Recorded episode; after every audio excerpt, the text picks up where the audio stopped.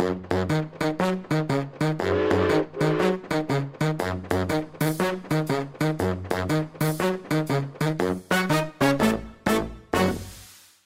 vi hjemme i stua til han eh, Knut Knutsen, som har eh, levd såpass lenge at han har fått med seg mye Ballangs- og Bjørkåsen-historie. Eh, du Knut, du vokste altså opp på bare et steinkast fra Martinstollen. Ja, det, det gjorde jeg ikke. Jeg vokste opp i ei av de brakkene i Mellabjørskåsen først. Ja. Så jeg var fem år når jeg flytta ned på Labbisen, som vi kaller det for. Laboratoriet. I laboratoriet. Det, det var Labbisen, det. Ja. Ja. Og der, på, der hadde de jo et verksted nede i Labbisen hvor de tok prøver og tok ut de delene de ville ha prøver. Og så få det analysert for hva er det her, og hvor mye er det av de sortene. Det var altså kopper, sink eller svovel. Så det var det de gjorde nede på Labbis. Bortsett fra han Erling Heitmann. Han, han jobba òg der. Han var, han var litt av en kjemiker òg. Han laga karameller av tang. Karameller av ja, tang. Av tang, ja. Og jeg var jo nede der, for jo og gløste der. Vi bodde jo oppe. Og fikk ut av karamellene. Men hun mamma likte ikke det. Hun sa at du skal heller få penger, så kan du gå på kiosken og kjøpe deg karameller. Istedenfor å ta de der. Hun var litt skeptisk til, Ja, det, det, det, der Tangen og han Erling Hetman var litt skeptisk til han. Men eh, jeg vet ikke hva jeg skal si at det smakte. Det smakte nærmest ingenting. Nei. Nei. Han hadde glemt å tilsette sukker, kanskje? Ja, det, det, det, sukker er det jo i tangen, Ja, det er kanskje for lite sukker. Ja, Sukkertare. ja. ja.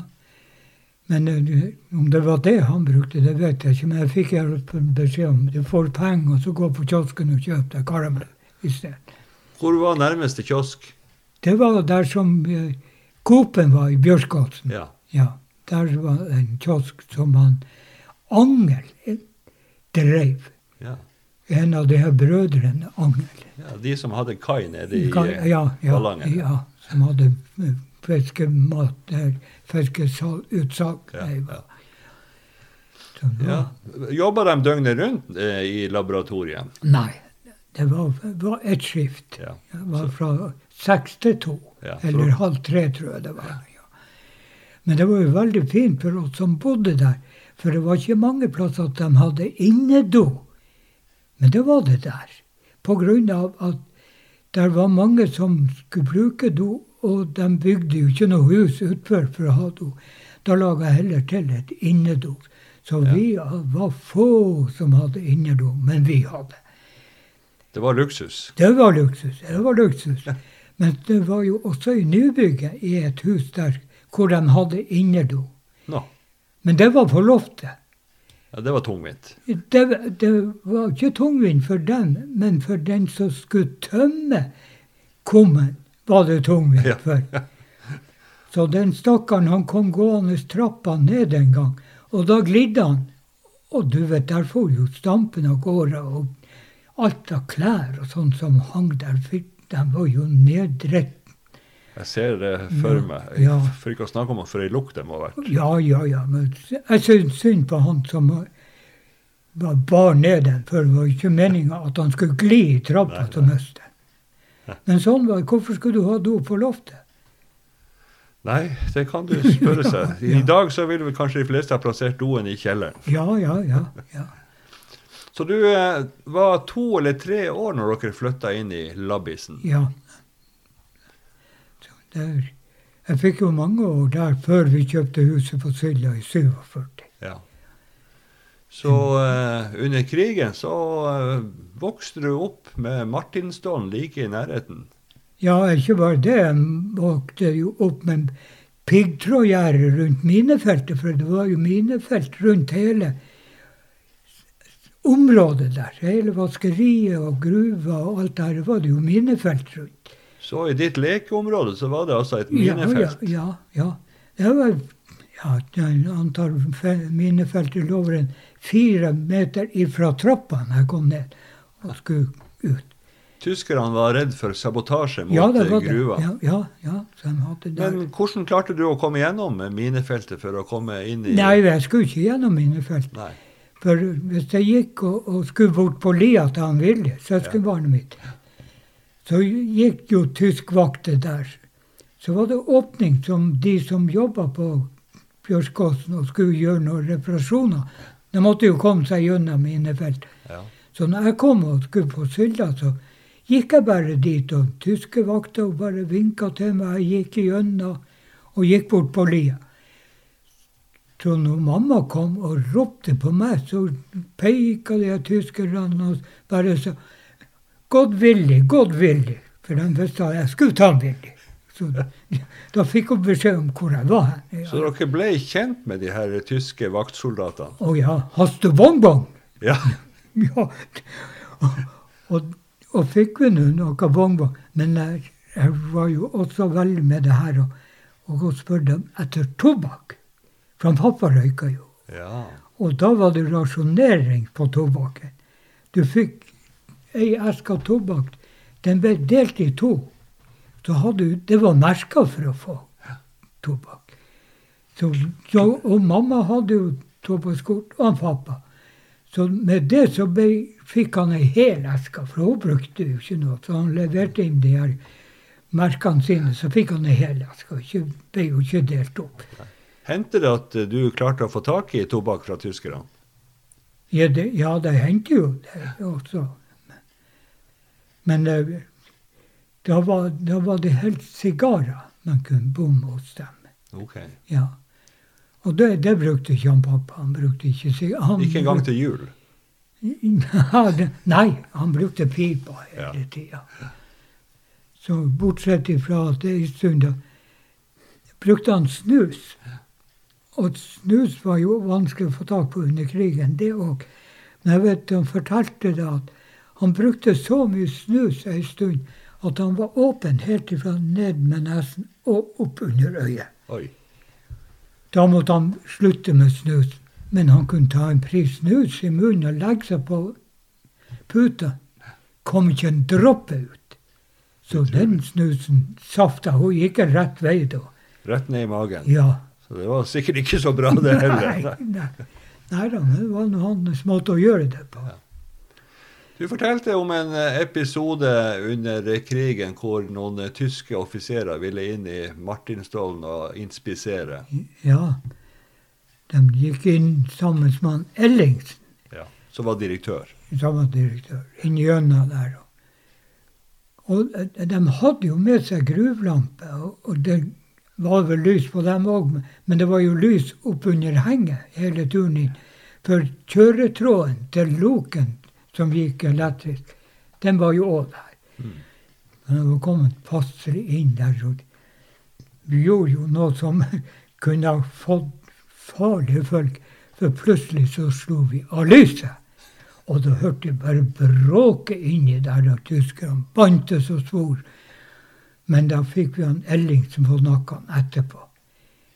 Det der var en farlig spøk dere gjorde. De gikk med våpen. De kunne tro at det var sabotasje der. De kunne like godt ha av tyskerne der inne. Men det, vi tenkte vel ikke på han Elling, så at de skulle skyte han.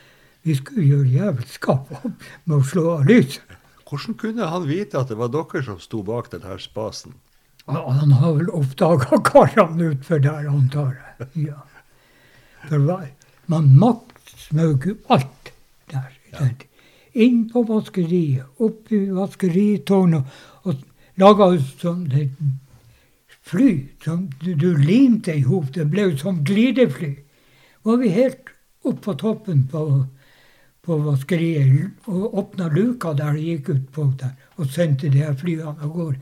De gikk så langt at vi måtte helt ned på fotballbanen for å hente.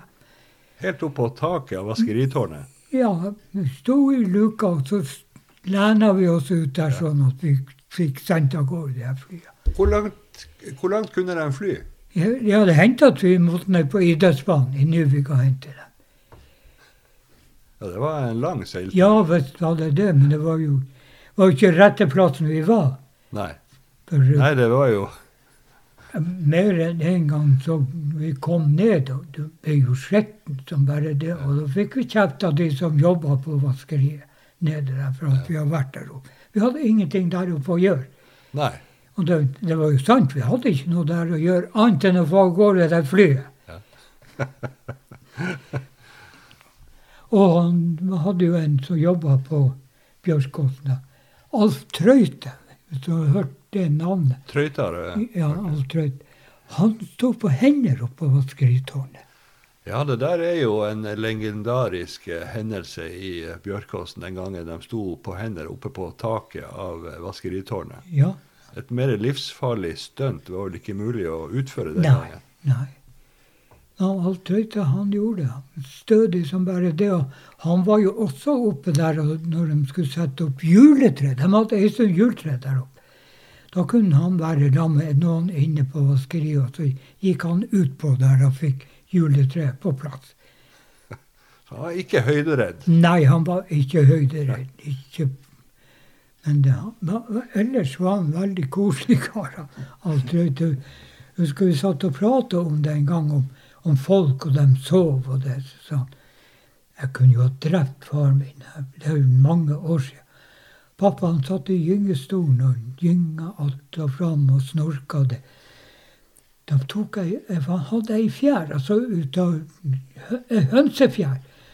Så holdt jeg framfor munnen hans, og du vet, fjæra for jo ned i halsen. og Han holdt på å kveles. han. Men det var sånn han alt kunne finne på. Den, sånn. Han syntes jo det var artig, men det var ikke artig for faren. Nei. Langt derifra. Eh, når du skulle søke arbeid i Bjørkåsen, det var vel ganske naturlig, for du hadde jo vokst opp i miljøet. Ja, ja. Da var det noen som eh, hadde noe de skulle ha sagt. Ja, det var jeg som sa det at du får ikke lov å begynne i gruva. Du får skaffe deg et annet arbeid. Eller så skal jeg betale deg dagpenger for å være hjemme. Og det var mor di. Det var mor, ja. Nei, Hun syntes det var nok han pappa hadde ødelagt helsa si med å jobbe i gruva. Syntes hun det var nok. Ja, Han hadde jobba der nede i 20 år. Ja.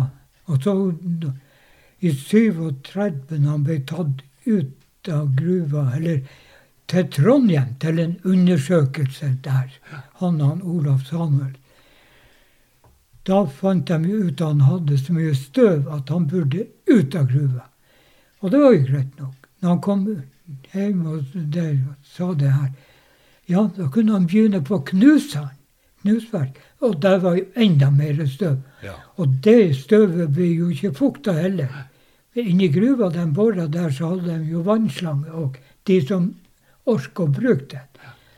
Men det hendte jo noen ikke brukte den, og ble oppdaga. Da var det hjemme i 14 dager uten lønn. Hm. Så ble de permittert i 14 dager. Så det var veldig strengt. Det var ikke bare det at du smitta deg sjøl, men det var jo flere nede i gruva. Det er klart, Da fikk jo dem like mye støv. Ja. Så det, og det, det var ei god ordning, og det ble jo slutt med tørrboring. Og, Ja. og jeg kan godt forstå dem. og Det var nok å dra med seg én slange til boremaskin, Mm, om de ikke skulle ha én til, for å for vannet. Ja, og så hadde de jo bakspenn òg, som de måtte bruke for å regulere Ja. boremaskin. Så da endte du opp med ansettelse på eh, mekanisk verksted. Ja da, jeg endte opp med det. Ja.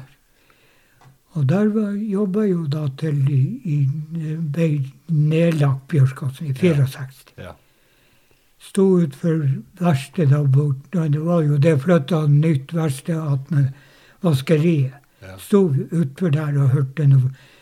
fløyta på Høgbakken gikk for siste gang. ja, det må ha vært eh, Ja, og der ble jo gjort Prata nå mye om det. Og på kvelden så kom han Vesterheim fra Narvik ut. Han snakka med meg på, på arbeidet. Kom han hjem til oss, da bodde vi oppe på loftet hos han svigerfar. Kom han hjem dit og intervjua meg der, han Vesterheim. Og en par dager etterpå så ringte han fra Røros og fortalte det var et artig intervju de hadde med deg i Ballangen. Så da var du på selveste NRK. Ja, da var jeg på selve NRK. Ja. Som jeg hørte da helt ned på røret. Du har aldri hørt det her opptaket seinere? Nei, jeg er bare spent på om det finnes. Ja, det kan vi prøve å finne ut av. Ja, og så kan ja. vi spille en uh, smakebit. Ja, ja. Det Ja.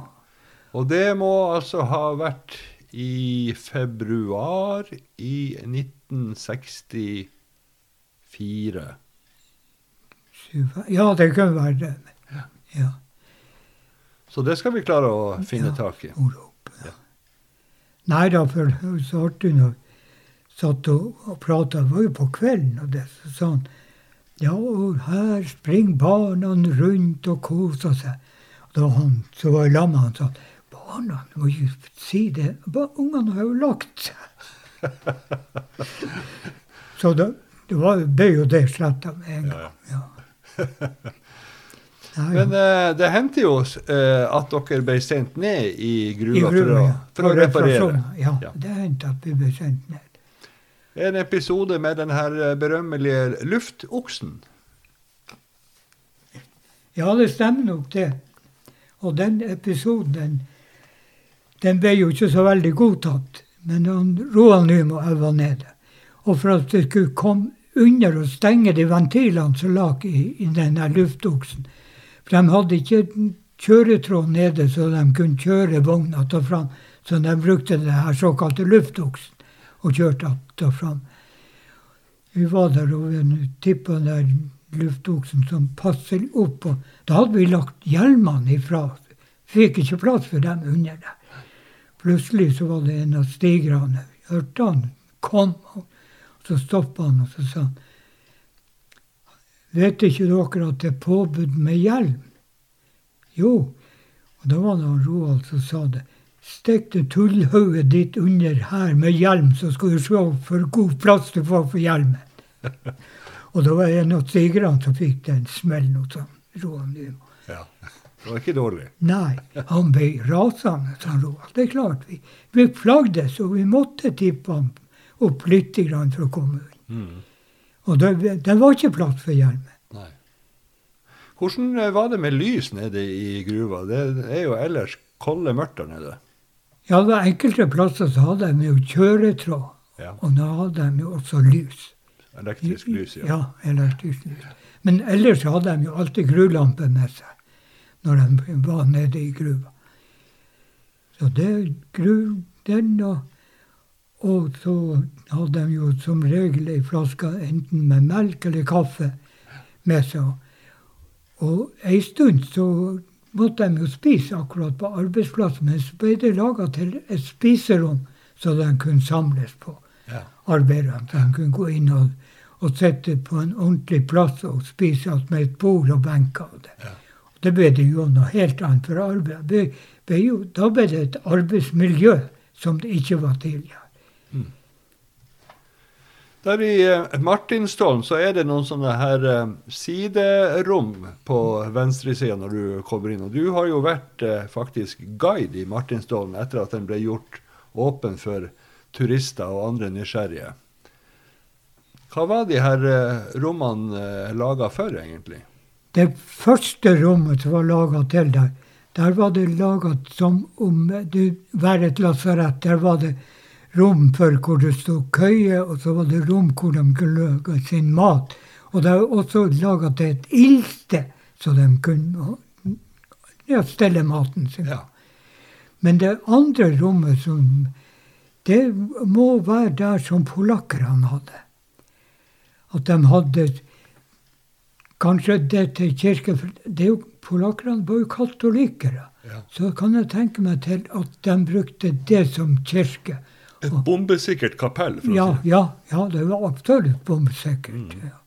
Det er jo eneste jeg kan tenke meg til. Jeg var aldri inne der, men Hendte det noen gang at Bjørkåsen ble bomba?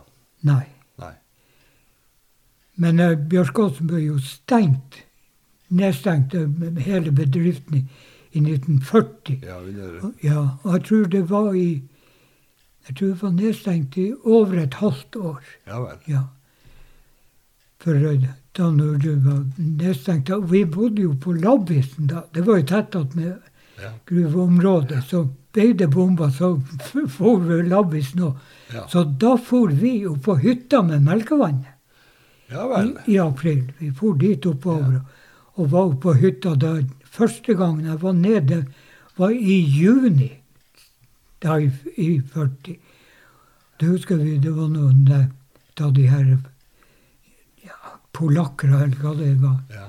som gikk vakt på Bruksåsmoen. OK. Så vi ble stoppa der. Men eh, etterpå det så fikk, vi, fikk han pappa kjøresette, så vi hadde anledning til å kunne bevege oss i det området. Hvordan var det mulig å komme seg eh, Var det på ski oppover Ja, til Melkevatnet? ja, ja, vi gikk på ski oppover. Og alt det dere trengte av mat, var i ryggsekken? Ja, det vil si det, Vi hadde en hest fra Bruksåsen. Vi og Nymo-folket som har hytte lenger inn på vannet. Men han kom på, på, på Sjurvannet. Ja. Så var det så mye snø at hesten kom seg ikke fram. Nei. Så måtte de lesse av alt og slå en presenning over. Så tok de voksne med seg det de klarte å bære den kvelden og opp. Og så måtte de gå ned da senere og hente resten. Ja, for hesten dro en slede med forsyninger. Ja, ja, ja. Det var så mye der. Så dere evakuerte opp til Melkevatnet Ja, ja. og kom tilbake til bygda sånn ute i juni? Juni, ja. ja. Nei, for jeg husker enda det at jeg var, jeg var så trøtt når jeg kom oppover til hytta da den kvelden. Jeg husker ikke at jeg tok av meg skiet. Og jeg husker ikke at jeg la meg, men jeg husker jo at jeg våkna dagen etterpå og var forferda at jeg var oppe med melkevannet. Ja. Var det far din som hadde kom, fått ideen om å bygge hytte ved Melkevatnet? Ja, den, den hadde han bygd lengre tid i forveien. Ja. For eh, det var egentlig Melkebua heter plassen Ja som vi bygde på. Antagelig hadde samene det til å være der når de hadde rein der oppe som melka. Ja. Derfor fikk du navnet Melkebua. Og kanskje Melkevatnet også? Ja, Melkevatnet kunne bare få det navnet i forbindelse med de her samene. Ja, så fortalte du en annen gang når dere var små, så var dere inne og tjuvåkte med gruveheisen. Ja da, vi, vi, i alle fall prøvde vi å skulle få i utgangspunktet. Og vi visste jo hvor mange slag de slo på et sånt klokkeapparat nede inn på Martinstur. Om de skulle ned eller de skulle opp i, i ei sjakt oppfør. Så slo de ned. Skulle de ned i tre sjakter, slo de tre slag. Og da hadde vi oppdaget, vi kjente jo til det. Og så ringte vi bare på, og så slo vi to slag. Så ringte det oppanifra og spurte hvem er det som skal med heisen. Vi svarte jo ikke, vi bare slo to slag til. Nei, nå må dere slutte å leke dere der, dere får ingen heis. Da var de klar over at det var unger som holdt på. Dere ble avslørt. Jo, vi ble avslørt. Men der holdt jo på å skje ei stor ulykke. For ja, det var jo like etter krigen òg. For når det var mye nedbør, så hadde de en sånn samletanke nedi i, i gruva Ja. hvor vannet samla seg. Og da hadde de en som gikk ut på pumping, som det heter, og pumpa ut det her vannet.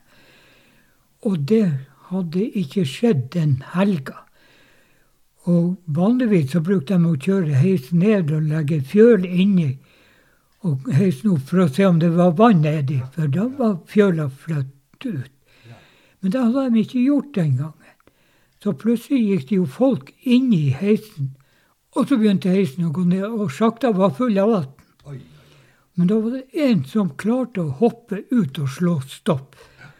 Og heldigvis så klarte de jo å stoppe, for heisen var i to etasjer. Så var de sto i første etasjen, som kom seg ut og fikk slått stopp. Ellers hadde bare heisen gått ned, og så hadde de andre etasjen gått samme vei. Ja, det var virkelig dramatikk. Ja, det var dramatikk, og det ble et veldig etterspill etterpå. det her. Noen hadde glemt å sette i gang Ja, Noen hadde glemt å be han pumperen om å gå ut. Ja. Ja. Og du vet, Jeg var jo masse ute arbeiderne. Klokker og sånt ble jo ødelagt. og det. og- Men de fikk jo det erstatta. Det gjorde de. Men eh, det var mange som svor og bantet på det her. Den ble senka ned i djupt vann. Ja, det, den første heisen han ble, ble ikke senka så veldig dypt, for han kom seg ut og fikk slått stopp. Ja. Ellers har han jo blitt senka helt under, så ble det stopp når de i andre etasjen skulle gå inn. Ja, riktig. Og da har de jo vært drukna, de sto i første. Ja, det er litt fremfor Det var eh, I nærheten av Martinsson så var det laga sånne her eh, rom inne i fjellet som malmen kunne styrtes ned i. Ja, ja, ja, ja. Den, den, den skulle da opp for å gå og bli toppa i vogna. Ja. Så ble han slått i den, så gikk den heisen opp, og så tippa han det i ei, stor sjakt. ja, en silo nærmest. Ja, eller en silo, ja. Så der tappa de da ut den malmen og fikk oppi det vogn som skulle kjøre ut til Knusar. Ja. Det har aldri vært noen som har skada seg i forbindelse med at malmen satte seg fast i de her åpningene hvor man skulle tappe ned i vognen. Han Jan Schotteng, Ja han har du hørt om. Ja. Der, I ei av de her sjaktene hvor den eh, malmen det skulle renne ned, så var det ei stor blokk som stoppa der. ja. Det kom ikke videre. Og Jan Schotteng han tok boremaskinen med seg. Så gikk han utpå der og bora. Og der for det av gårde alt opp. Og Jan Schotteng han for jo med. Men heldigvis så var han så bevisst at han kunne rope ned stopp kjør, stopp og kjør, til de fikk han ut oppå Martinstuen. Det må ha vært ganske kaldblodig. Ja, og det, det var en Ingemar Jensen Mossum som fikk beskjed om å, å tappe. Ja. At han, eh, jeg, jeg, jeg vil ikke tappe. Du har fått ordre om å tappe. Tapp. Ja. Mannen skal ut. Ja. Død eller levende skal vi ha han ut. Han kom jo ut levende, men han var jo en del skada. Det var han. Vil jeg tro. Ja. Ligget og rulla sammen med svær Ja, kampestein. det, var- det som var, det var jo at han var bevisst at han kunne rope stopp og, og tapp og stopp. Etter hvert så han kjente at han, han lå åpent. så. Ja. ja, ja, ja. Ja. Nei da, det er det. Men uh, Jan Sjoddeng han er litt uforsiktig type òg, men, men han, eh, han var jo i like godt humør etterpå det her har skjedd. Han var det, ja. Ja, ja, ja. Han var en hardhaus. Ja, han var en hardhaus. Det var han. Ja. Da har vi hørt noen eh, dramatiske og eh, Ja. Det er jo historier som både sannferdig historie Sannferdige og historier. historie, Ja. Og fra så langt tilbake i tida at det er de færreste som husker så langt tilbake. Ja, det er vel ikke så mange igjen i Ballangen Nei, er som er på det. min alder, som da hadde noe med Bjørskåsen å gjøre. Nei. Verken med Bjørskåsen eller med, med Labbisen å gjøre. Nei, tusen takk, Knut, for at du ville dele det her med oss. Det er bare en fornøyelse å fortelle historie. For en ting er jo greit, ei historie er historie. Ja. Så det som blir fortalt da, det tar man, må man ta som en historie. Det kan være sant og ikke sant. Det er riktig. Men Ja. i, i dag har det vært Men uh, i dag har jeg prøvd å være ærlig og Ja, snakke sant. det er godt. Ja. Takk for i dag. Takk sjøl.